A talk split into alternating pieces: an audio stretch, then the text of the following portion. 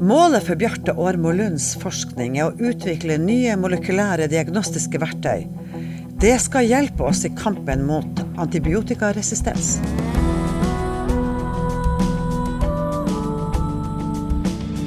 Observatoriet. En forskningspodkast fra UiT Norges arktiske universitet.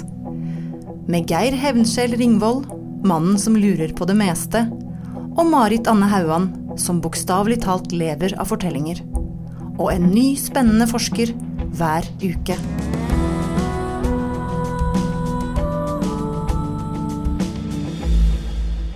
Postdoktor Bjarte Årmo Lund, velkommen til oss. Tusen takk. Tusen takk. Eh, jeg har hørt rykter om at du i din tidlige ungdom, i 14-15-årsalderen, hadde en ganske skjellsettende opplevelse. Kan du fortelle oss om det? Ja, for meg så fremsto det aldri særlig skjellsettende. Jeg var bare syk og dårlig en kveld og hadde gått og lagt meg i, på gutterommet og var egentlig ikke så veldig interessert i noe som helst. Når min eh, mor kommer inn og ser til sin sønn, eh, og min, min, mor er sykepleier og syntes jeg var enda mer pjusk enn men vanlig, da. Så vi fikk dratt meg med på sykehuset, eh, og på sykehuset så ja, på legevakta da så var det undersøkelser. Kjente på nakken, kjente, så på huden min. Øh, feber, målte og sånt. Og var liksom usikker da på skulle man gjøre noe eller ikke. Men, øh, men mora mi var litt sånn insisterende og sa at nei, hør nå her, vi må, vi må følge han litt mer opp. Vi må se litt mer på hva, hva som kan være galt på gutten. Uh, og før jeg vet ordet av det, så er jeg borte. Bevisstløs. Husker ikke noe mer. Neste morgen våkner jeg opp, ser opp på en uh, hjertemonitor som viser en uh, flat linje. Men så kom jeg litt til meg sjøl og sa Men jeg er jo i live. så det er jo folk rundt meg. Uh, da jeg våkna til igjen. Uh, hjertemonitoren hadde bare revet av meg i feberørska i løpet av natta. Uh, jeg var i live, men det var, hadde vært nært på. For uh, jeg hadde hatt bakteriell hjernehinnebetennelse. Og legene hadde fått starta antibiotikakuren akkurat i tide. Sånn at jeg kom ut fra det med, med ingen egentlige senvirkninger. Og etter en uke på sykehuset så kunne jeg dra hjem igjen og fortsette livet som vanlig. Men det var ingen selvfølge, kom jeg til å innse senere i livet, at, at ubehandla så er det jo en 80 sannsynlighet for å dø av eh, bakteriell hjernehinnebetennelse. 80 Ja. Og mange av dem som da overlever, vil komme fra det med store skader. Som kun ja. Altså bak ja, bakteriell hjernehinnebetennelse. Ja. Hva skjer med hjernehinna da? Nei, altså Da er det en bakterie eh, som heter Neisseria meningitidis, som begynner å bygge seg hus i jernhinna og legge trykk på, på jernhinna som etter hvert uh, ja, ødelegger for hjernens mulighet til å fungere. Og det kan være dødelig. Du sier at det hadde betydning for hvordan du tenkte senere i livet. Når du er 14 år og har det, så er man jo midt i Da er det artig med jenter, speider og klassetur og sånt. Når kom dette opp og ble en del av din fremtidsperspektiv? Nei, jeg tror egentlig at jeg la det veldig fort fra meg, og at det var først i voksen alder jeg egentlig henta det frem igjen og innså at det her var jo faktisk ikke noe folk brukte å gå gjennom. Dette er ikke en vanlig del av, av livsveien. Uh, og at jeg forsto hva det kunne betydd for meg, og hva det betydde for foreldrene mine som sto i det, og uh, hvor heldig jeg hadde vært at det gikk bra. Og, at, uh, og det hele der, det handler jo om, at, om antibiotika. Ja. ja, fordi at hvis ikke antibiotika hadde virka, hvis de ikke hadde satt meg på riktig antibiotika den kvelden, så hadde jeg jo mest sannsynlig dødd. Mm. Og hvis jeg hadde overlevd, så hadde jeg mest sannsynlig vært uh, grønnsak. For å være litt ukorrekt. Men så, så, Det er en av de tingene som vi virkelig En av de store farene i samfunnet som vi har fått fortalt nå over flere år, det er jo at eh, bakteriene er resistente mot antibiotika. At antibiotika ikke hjelper. Ja. Eh, det var tema for din doktorgrad. Ja. Eh, det var vel kanskje egentlig idet jeg begynte på det prosjektet, jeg virkelig begynte å reflektere over, over det. da. Eh, men, eh, men antibiotikaresistens har jo bestandig vært, vært, der, men vi har jo selektert for den gjennom vår uh, uheldige bruk av antibiotika i, når det ikke har vært snakk om livstruende sykdommer. I, i landbruket har det vært brukt altfor mye antibiotika, og vi har brukt antibiotika til, til, sykdommer der det ikke har vært behov for det. Der man kunne ha blitt bedre av seg sjøl. Og i havbruket? i akvakulturen? Ja, akvakulturen har mm. også tidligere vært fæl på. Hvor stort er problemet? I dag eh, er det jo under kontroll i, i Norge. Men, men, vi vet jo at, at genene som kode for antibiotikaresistens, de er der, de sprer seg, og de gir bakteriene en fordel. Så vi vet jo at det er bare et tidsspørsmål. Vi, vi venter bare på at, at det skal bli et problem. Vi kan bruke antibiotika på en fornuftig måte, vi kan begrense bruk til andre ting. Men vi vet at så lenge antibiotikaresistens gir bakteriene en fordel, så vil til slutt bakteriene være antibiotikaresistente. For kroppen består i stor grad av bakterier, og de fleste må vi jo ha der. Ja. Eh, og så er det da den evnen antibiotika har til å gjenkjenne de problemmakerne hvis jeg har forstått det rett, da? Ja. Eh, som du er enig på, så er det jo milliarder på milliarder av bakterier. Og, og innimellom så er det jo en av dem som plutselig har tatt opp en eller annen egenskap som gjør dem resistent mot, eh, mot antibiotika. Eh, og når vi da behandler dem med antibiotika, så er det jo de utvalgte få da, som blir å overleve. Ja. Eh, og sånn sprer det seg. Og sånn blir det flere av dem. Ja. Så nå når vi har etablert det, Marit, eh, skal vi ta spenntak og hoppe inn i forskninga til han Bjarte? Fordi um, det er jo sånn at jeg og Marit gjør litt sånn research på eh, forskerne som kommer hit til podkasten og skal snakke, og det her er kanskje en av de med flest Nei, færrest gjenkjennelsesfaktorer i, i, det som er eh, mitt dagligdagse språk. Og eh, mine referanserammer, da. Jo, du, altså DNA hører vi om hver dag. DNA brukes til å løse kriminalsaker og drapssaker av alle slag. Og DNA er jo liksom sånn et ny senter i Universitetet i Tromsø for å for å teste DNA. ikke sant? Det, liksom, DNA er jo, det er jo et av de fine liksom, storbokstavordene. Den forkortelsen kjente jeg igjen. Ja. Men så kobler han det til polymerase. Ja. Ja. ja en DNA-polymerase det er på en måte en molekylær kopimaskin, liker jeg å si. Eh, en DNA-polymerase eh, kjenner igjen en bestemt du, du, gir den en oppskrift på noe den skal begynne å kopiere, og så gir den du det, det den skal kopiere og så lager den kopi av det. Ok, ikke verre. Ikke verre. Kopi av av DNA-et. DNA-kopimaskin. Ja. Det kunne det begynt å hete. Uh, og, det er jo det som må skje når vi går fra å være et lite foster til å være et uh, veldig stort menneske. Uh, så skal jo det lages mer og mer DNA for hver enkelt celle. så DNA-polymeraser finner vi i alle celler. Men vi forskere har jo funnet flere ting vi kan bruke DNA-polymeraser til. Så når vi skal f.eks. løse en krimgåte, så er det jo gjerne DNA-testing. Og da vil du kjøre en reaksjon på det prøvematerialet du har funnet, med spesifikke det vi kaller for primere, som da er sånn spesifikke oppskrifter på, på DNA-sekvenser vi har lyst til å se på. Man har valgt ut noen DNA-sekvenser som har vist seg å være ganske sånn unik fra person til person. Mm. Så hvis du kopierer opp akkurat de DNA-sekvensene, så får de forskjellige størrelser på det som kalles da et PCR. Som Eh, er Forkortelse for Polymerase-kjedereaksjon. kjedereaksjon, det har vi også hørt. Det var Ja. den polymerasen vi, vi jobber med. Ja. Eh, og da kan du ut fra det bygge da, en profil på, på gjerningsmannen, da, som du da kan Eller kvinnen. Gjerningskvinnen, Ja. hvis du vil være nøytral.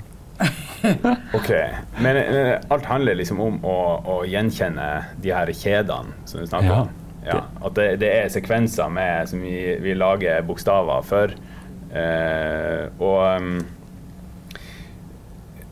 hvordan eh, knytter du det opp til antibiotikaresistens? Jo, eh, siden i min, i min doktorgrad så, så jeg jo på noen spesifikke antibiotikaresistensgener og så på om det var noe vi kunne gjøre for å stoppe de her enzymene fra å fungere. Og så fant jeg vel egentlig ut at svaret var litt nei. Eh, Det var iallfall. Ja, det var også et svar. Det det var veldig vanskelig å skulle effektivt stoppe de her enzymene. Og iallfall skulle stoppe mange av dem. Eh, Så litt av motivasjonen min nå er det at hvis vi kan på et tidlig stadie diagnostisere veldig godt, hvis vi kan med en gang med hjelp av vår DNA-polymerase fortelle hvilken bakterie det er som gjør deg syk, så kan vi med veldig målrettet behandling behandle antibiotika Nei, behandle bakterien veldig fort. Eh, sånn at resistensen ikke har samme muligheten til å utvikle seg, eh, og at vi kan forbeholde de liksom, virkelig store kanonene blant antibiotikaene til, til veldig vanskelige tilfeller. Altså, gå inn og, og, og, Ta det der en gang til. Man kan gå inn og behandle ge, altså Man kan gå inn og gjøre noe med genene, eller Hvis du eh, Bakterier vi, vi bruker å tenke på bakterier som bakterier, Ja. men det er faktisk veldig stor forskjell på bakterier. Så vi deler dem ofte inn i to store kategorier, gram-negative og gram-positive. Ja. Uh, og det er litt, en litt vilkårlig inndeling. Uh, men, men det er så stor forskjell på de to typene bakterier at man skulle, man skulle ikke tro det. Altså, du og jeg ligner mer på, på grønnalger enn de ligner på hverandre. Så det er veldig stor forskjell på bakterier. vi har noen, eh, noen sånn DNA-sekvenser vi deler med grønnalger. Ja. Ja. Og bakterier har enda mindre DNA som de deler seg imellom. De har spesialisert seg veldig for forskjellige formål og deler egentlig veldig lite DNA seg imellom. Men de ligner kanskje mer av utseende, da. De kan ligne mer av utseende. uh, Bra lik. Vi har nå to ører. Ja.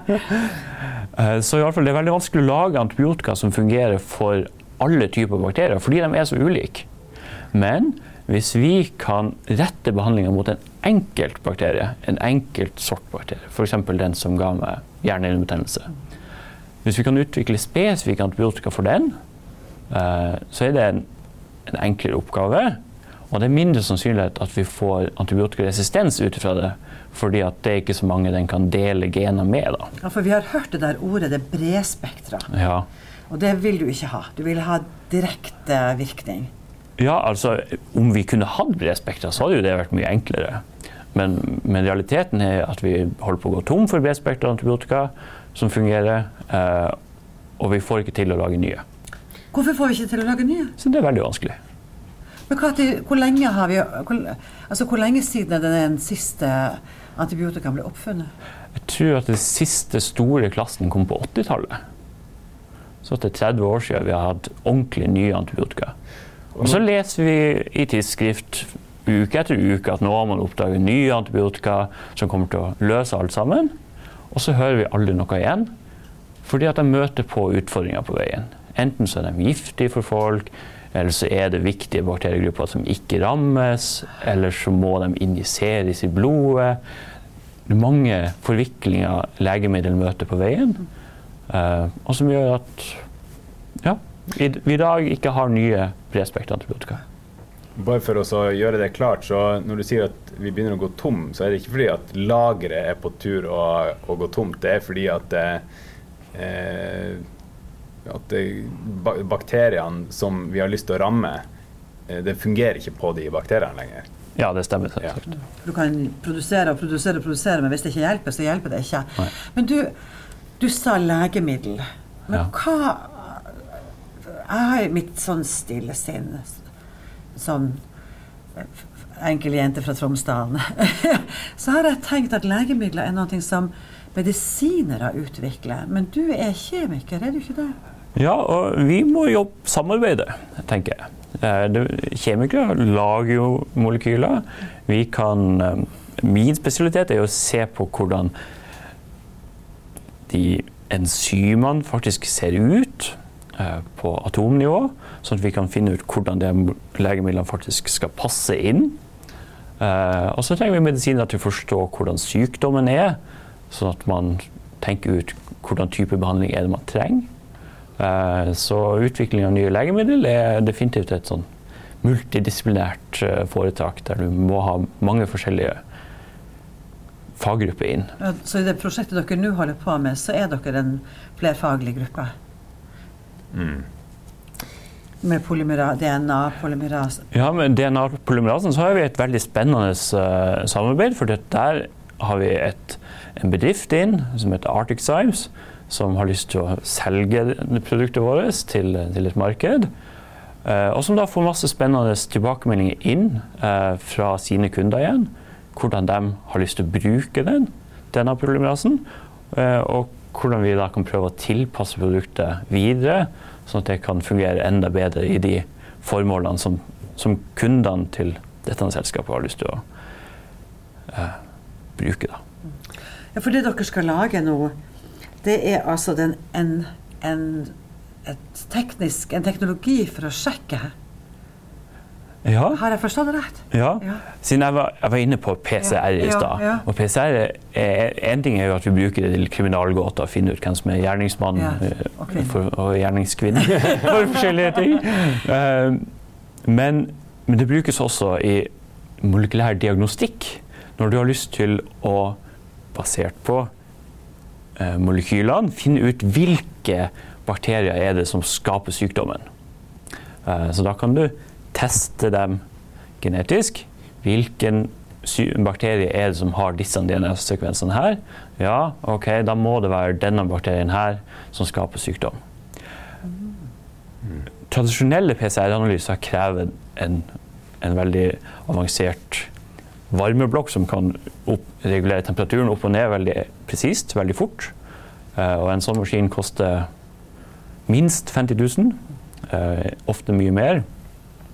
Uh, det blir da en stor investering for mindre legekontor og, og sånt. Og det gjør det vanskelig å få gjort en sånn presis diagnostikk der pasienten er. Så tanken vår er at hvis vi kan utvikle en DNA-polymerase som fungerer med lavere temperaturer eh, og med én temperatur hele veien, eh, så kan vi forenkle diagnostikk og gjøre det tilgjengelig der folk, der pasienter faktisk er. Altså, du snakker nå om et, eh, et verktøy som måler Eller som, som, som monitorerer da, de her delingene av Altså de kopiene av DNA-et for å avsløre Hvilken- hvilke bakterier Som er til stede, Ja. og som forårsaker sykdom. ja. Oi! Veldig bra! En gang til. Altså um, eh, Den maskina da, som varmer opp um, det, det den skal teste, Jaha. eh, er jeg med så langt? Ja, ikke tenk på maskin- Ikke tenk på maskinen. OK. Så, så det er bare det er bare et varmeskap. Ok. Ja. Så det kunne vært eh, et sånt som er i barnehager for å varme klær? Ja, ja. ja. Om så. Og, og, og eh, det som skjer da, det er at eh, de bakteriene trenger en viss temperatur for å oppføre seg sånn som dere vil, for at man skal kunne avsløre de tingene. Ja, så DNA-polymerasen trenger en spesifikk temperatur for å fungere ordentlig. Ja. Uh, og hvis vi kan trekke den temperaturen ned til eh, 37 grader eller noe sånt, som kunne passe i, i klestørkelen i barnehagen, eh, så ville vi kunne diagnostisert ting der pasientene er. Så da kunne polymerasen fungert med én temperatur som var enkel å oppnå, fremfor å skulle ha en sånn avansert På legekontor i Sørkjosen, Ja. eller på Loppa, eller i Tromsdalen, eller i Lærdal, eller hvor det måtte være. Eller en flyktningleir i Jemen, eller hvor det enn måtte være behov. Så det er et demokratisk prosjekt du holder på med? Jeg tenker det, at hvis vi kan gjøre diagnostikk tilgjengelig overalt, så vil jo det bety veldig mye. Sammenlignet med situasjonen i dag, der jeg som pasient ved universitetssykehuset har et annet tilbud enn den som kommer til legekontoret på Sørkjosen. Har du en fornemmelse av at du gjennom, eller dere gjennom denne her oppfinnelsen, hvis dere får den til, eller den mm, er kanskje ikke en oppfinnelse, det er kanskje ikke riktig ord. Jo, jo, det er søkt om patent på den, så det er jo en oppfinnelse. Ja, ah, den oppfinnelsen at dere på den eh, For den kan være medvirkende til at antibiotikaresistensproblematikken blir lavere og mindre i fremtida? Det er jo et av håpene, ja. At hvis vi kan ha målrettet behandling mot spesifikke organismer, så vil det være mindre grunnlag for antibiotikaresistens å utvikle seg. Og også at vi kan holde den i sjakk. At hvis vi får et sånt grunnivå med antibiotikaresistens, så kan vi allikevel da velge de gjenværende antibiotikaene. Kan vi velge på en god måte, eh, sånn at vi maksimerer muligheten for effektiv behandling og reduserer sannsynligheten for for resistens. Så de som holder på å lete etter nye antibiotika, de kan slappe litt av? Nei, nei, det vil si det ikke. Det må stå på som bare juling. Uh, vi blir jo trenge nye antibiotika også. Men uh, dette er et så stort problem at vi må, vi må rett og slett angripe det på, på alle mulige hold samtidig. Det er vel kanskje nettopp uh, sånne deler av verden som er litt mindre utvikla enn det vi er i Norge, som kanskje er litt i verstingene på overforbruk.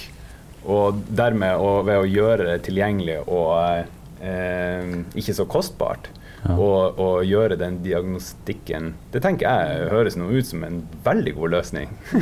Definitivt. Ja. Ja. Altså det er jo, vi vet jo at det i verden er en del sånne tiltak for å, å imøtekomme de områdene av verden som har lite uh, medisin knyttet til sine sykdommer. Det er jo f.eks. en institusjon som heter Neglected Diseases, eh, som har fått mye Rockefeller-midler. Og jeg har forstått det sånn med den eh, institusjonen, som jo er en sånn worldwide, eh, nesten webbasert institusjon som har kommet med noen noen parasitt, medisiner mot parasitter i Afrika f.eks. Det er vel deres første store gevinst. At det skal så mye penger til. Altså, det her er det, det er ikke noen sånn gutteromslek. Det, er veldig kostbart å utvikle disse metodene. Stemmer det? De store kostnadene er jo ikke knyttet til selve utviklinga, men, men, men etterprøving. At du skal vise at det faktisk fungerer i mennesker, og ikke tar livet av menneskene i, i prosessen. Det, det, er jo det som koster veldig mye penger. Eh, det koster jo en del penger å ha ansatte forskere også, men men det er de her store kliniske undersøkelsene som virkelig, virkelig koster penger. Er det der næringslivet kommer inn, eller? Og det, Der trenger du jo store partnere for å faktisk få det gjennomført. Det er mye derfor vi ender opp med de store legemiddelgigantene med AstraZeneca og det, Pfizer. Og, siste du sa? Altså, De store legemiddelgigantene ja. er jo de eneste som faktisk har muskler til å, ja. til å gjennomføre de sånn kliniske undersøkelsene. Men dere har valgt å samarbeide med Tromsø-firma? Ja, fordi vi er jo på et, et helt annet nivå. Mm. Eh, og så håper vi jo kanskje at Arctic Science, vår lokale samarbeidspartner, vil være i stand til å finne store kunder og, og selge det videre til. At eh, de kan velge å sitt, sette sitt, sin lapp på, på produktet. Da. Hva som er i potten for dem som investerer mye i det her? man få tilbake igjen, annet enn bare klapp på skuldra for at man har eh, hjulpet menneskeheten og medisin et uh, lite dytt frem. Ja, nei, nå var ikke mitt navn på patentet, så jeg vet ikke helt hva realitysen ser ut som. nei, det er vel også sånn at uh, intellectual property eies også litt av universitetet, så her er det flere parter. Og det syns jo jeg er veldig spennende. Dette med at dere oppfinner finner opp ting og har oppdagelser og oppfinnelser som en del av uh, forskningsjobben. Altså ja. at universitetene faktisk blir agenter for en bedre verden. Ja. Kan vi snakkes med så store ord? Ja, det tror jeg absolutt. Og jeg er veldig glad for at vi nå ser den utviklingen. At, at um, innovasjon ikke bare er uh, forskning med, med penger, uh, men at vi faktisk uh, gjør, et, et hopp, rett og slett, og tenker at nå skal vi, vi skal drive forskning vi skal drive undervisning, men vi skal også drive innovasjon. Og det syns jeg er veldig spennende å se. At universitetene kan, kan tenke nytt om sin egen rolle. Eh, men, men, vi vet jo at, at innovasjon har jo skjedd på universitetene før også. Vi har bare ikke kalt det innovasjon. Har, vi, vet jo det at forskninga har gitt oss mange ting. Men du, du har sagt i flere sammenhenger, nå har jeg googla deg Jeg har jo ikke møtt deg før, så jeg måtte jo google det. Og da har du sagt sånne ting at, eh, som at eh, kjemi er overalt, la oss omfavne det. Og så har du sagt god kjemi, f.eks. Det er sånne begreper, sånne utsagn som er kommet.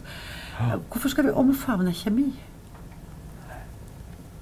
For, fordi at alternativet er jo frykt. Eh, jeg syns det, det, er forferdelig å, å, lese om kjemikaliefrie produkter på altså kjemikaliefri barneleker. Sånn. Det finnes jo ingenting. Alt sammen er jo naturlige atomer som er satt sammen på, på forskjellige måter. Noen ting er giftig. De fleste ting er, de fleste ting er giftige hvis du får store nok mengder av det. Mm. Uh, vi, må, vi, må, forholde oss til kjemi på en på en rasjonell måte, tenker jeg. Åpnere? Åpnere, anerkjenne at, at kjemi er rundt oss. Vi er kjemi. Det er ingen egentlig forskjell på syntetiske kjemikalier og naturlige kjemikalier. Det, ingen, det finnes ingen sånn distinksjon, egentlig. Altså den som er satt sammen av eh, ja, naturlige komponenter til noe vi kaller for syntetisk? Ja, ja. Det, men det er jo ingen ingen metode som vil vise deg hva som er naturlig, og hva som er syntetisk. Så vi opererer, med, vi, ikke, vi opererer med begreper som viser at vi ikke har skjønt kjemien i verden, altså kjemien rundt oss. Er det det vi gjør, vi lekfolk? Ja, og så blir det en sånn fryktkultur rundt det som jeg syns er veldig uheldig, og som, som gagner noen, uh, som ikke snakker så høyt om det. Det, det er selvsagt helsekostforretninger og sånn som da gjerne vil selge deg kjemikaliefritt vann, f.eks. Men det, var det derfor du hadde en tur rundt på, på kolonialbutikkene og så på julematen, hva slags stoffer som var i den? Det var noe mer av nysgjerrighet, da. For det er jo morsomt å, å, reflektere over hvorfor verden er sånn som den er, hva vi ja, hvilken rolle ting egentlig har. Og vi snakker mye om ja, uheldig med konserveringsmidler, men, men, det betyr jo at vi kan beholde maten lenger. At vi slipper å kaste så mye mat. Eh, det er mange sånne der eh, perspektiver som så lett forsvinner eh, i, i, en forenkla diskusjon. Da. Men er det ikke det vi er litt redd for, at eh, hvis vi spiser masse konserveringsmiddel, så eh, er det vi som eh, blir konservert på en unaturlig måte? Ja, kanskje det. Men, jeg hørte en sånn myte en gang om at eh, om at eh, folk som dør i dag, tar mye lengre tid for dem å oppnå forråtnelse fordi at vi spiser mye eh, sånn eh, Konserveringsmiddel. konserveringsmiddel. Ja, det hørtes ut som et morsomt forsøk å, å følge opp. Ja. Nei, du, har, du, har, ikke hørt om det? Nei, jeg har ikke hørt det. Nei, okay. Det, da er det kanskje vi, kan søke, vi kan søke om uh, ja, forskningsmidler for, ja, om forskningsmidler for, å få gravd opp noen og sjekka det. det. Og det, det, handler jo sikkert om veldig mange ting. Hvis du er på Svalbard, så kan du jo grave opp veldig fullkomne lik fra 1600-tallet der det er kaldt nok mm. pga. permafrosten. Så det er ikke et spørsmål hva som er høna og egg, eller hva det er som er årsaken.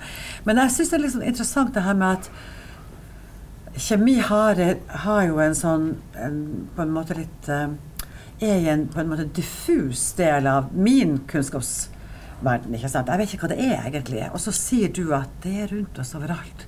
Og at vi må tenke annerledes rundt det.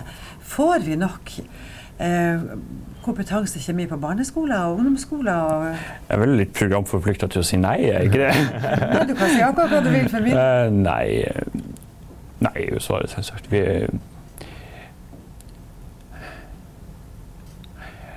det er, ikke, det er, jo ikke, viktig at alle sammen skal ha bachelornivå i, i kjemi. Det er det jo ikke. Men, men uh, vi, uh, hvis vi skal se i det større perspektivet, så vi jo, snakker vi om fake news og vi snakker om, om, sånt. Og jeg tenker Det viktigste er jo den kritiske sansen. Mm.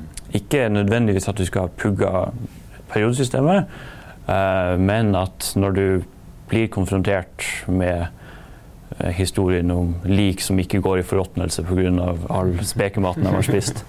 Eh, så, så trenger vi jo den kritiske sansen. Eh, og litt kjemiundervisning, litt mer kjemiundervisning ville sikkert hjulpet på, på den kritiske kjemiforståelsen. Bare ja. Men, men generelt er det, jo den, er det jo den kritiske tenkinga vi må, må forsterke. At vi setter spørsmål med, med både folks motivasjon for å si ting, og med også hvilket grunnlag de kan uttale seg om, om temaet. Du sa eh, at det var egentlig ikke før eh, du, du, gikk i gang med studiene dine at du reflekterte rundt din egen sykdom. Men allikevel så har du Eller din, din sykdomshistorikk. Men eh, allikevel så har du funnet en eller annen slags sånn glød og iver etter kjemi et sted langs veien. Husker du det vendepunktet der? Ja, jeg, jeg mener å huske at, at den store forandringa kom i en sånn klasseromssituasjon der vi jeg mener vi rett og slett hadde en kjemiprøve eller noe sånt. Og så satt jeg med, med, en oppgave og mente at jeg hadde funnet svaret. Og så tenkte jeg det hadde vært fint å vite svaret, sånn egentlig. Og så innså jeg at men laboratoriet står jo i naborommet. Så jeg spurte læreren kan jeg kan jeg gå og teste. Kan jeg gå og sjekke om jeg har fått riktig svar? Husker du hva det var for noe? Nei, jeg husker ikke hva det var. Men, men, det var en uskyldig oppgave. som var et enkelt forsøk å finne ut om det var riktig svar. Og den følelsen av å kunne sitte med teorien, ha tenkt seg ut en hypotese om hva riktig svar var, og så kunne gå på laboratoriet og teste at det faktisk var sånn i virkeligheten, det fant jeg var veldig tilfredsstillende. Er det det du gjør i dagliglivet som forsker? Ja, Ofte. Ja. Ofte så er det jo det. At man, man, sitter og har en idé, og så tenker du ja, hvordan kan vi sette opp forsøket på laboratoriet for å se om det stemmer. Og så kan vi gå på laboratoriet og sjekke. Ros til læreren som lot deg få gjøre det også. ja, ja, det var ja. Kunne nok blitt mye søl også. og litt rot hvis alle skulle gjøre det. Ja, sånn Men la oss La oss, nå feirer vi jo 50-årsjubileet for universitetet i år. Vi er jo og vi er veldig stolte av og kry over at det er så mange kompetanser til stede, og at de holder på med viktige ting for verden. Jeg må si det. Bjarte, jeg syns det er kjempestas at du mm. holder på med så viktige ting for verden. Og det minner meg liksom om Vi har jo noen andre her ved universitetet også som jobber med landsbymedisin, og som jobber med forskjellige ting som, som kan gjøre verden bedre. Men hvor er vi om 50 år? Oi. Hva er din drøm om 50 år? Hvor, hvor står vi da? Jeg har hørt på podkasten, så jeg burde jo skjønt at det spørsmålet her ble å komme. Åh, om 50 år Det er vanskelig å si. Altså, det har skjedd så mye i kjemien som fagfelt på 50 år. Altså de siste 50 årene? Ja, ja. ja. Altså, hva kan, hva kan, vi gjøre om 50 år igjen? Har vi fått bukt med antibiotikaresistens? Eh ja, hvis, hvis, ikke, så er det jo veldig, et veldig enkelt spørsmål, siden da kommer vi til å leve i hule om 50 år. hvis vi ikke får gjort noe. Ja. Gå rundt eh. med, med sånn bobleplast rundt oss for ikke å rispe oss opp. Og, ja, ja, så da blir det, blir det, veldig enkle dager på universitetet om 50 år. Hvis vi, hvis vi går pakka inn i bobleplast. Tror du det?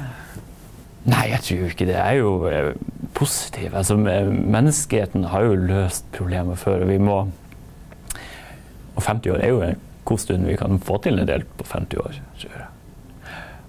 Så det, det, er jo fantastisk mye igjen i kjemien. Eh, når vi har prøvd å utvikle DNA-polymerasen, så har vi måttet gjette en del. Vi har måttet la tilfeldigheter forstyrre litt prosesser. At vi bare har lagd tilfeldige varianter og sett hva som skjer. Om 50 år så trenger vi kanskje ikke det. 50 år så har vi kanskje de eh, redskapene vi trenger for å beregne det nøyaktig på en datamaskin. At vi kan se på kjempestore datasystem. Kanskje vi til og med kan liksom gjøre det på, på et sånn smart brille eller noe sånt. Kanskje vi kan styre det med tankene. Det er utrolig mye igjen å forstå av kjemien. Vi har masse forståelse vi mangler. Så jeg tror definitivt at det er arbeidsoppgaver igjen om 50 år. Uh, jeg tror de kommer til å bli veldig spennende og veldig fancy. fancy ja, men... og, og, helt til slutt, er ditt eh, prosjekt i land, da? Ja, definitivt. Så 50 år så går det en gråhåra, litt duknakket Bjarte Årmo Lund i laboratoriet fortsatt og leter etter redninga for menneskeheten. Nei, da blir vi bare ha det gøy. Vi har for lengst løst de problemene. Okay. Tusen takk skal du ha.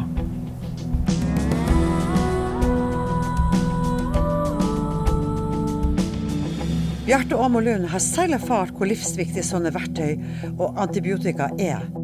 Vil du vite mer om hans forskning, kan du gå inn på uit.no 50. Lik gjerne podkasten vår på Facebook under navnet Observatoriepodkast. Og vi finnes på alle podkastapper.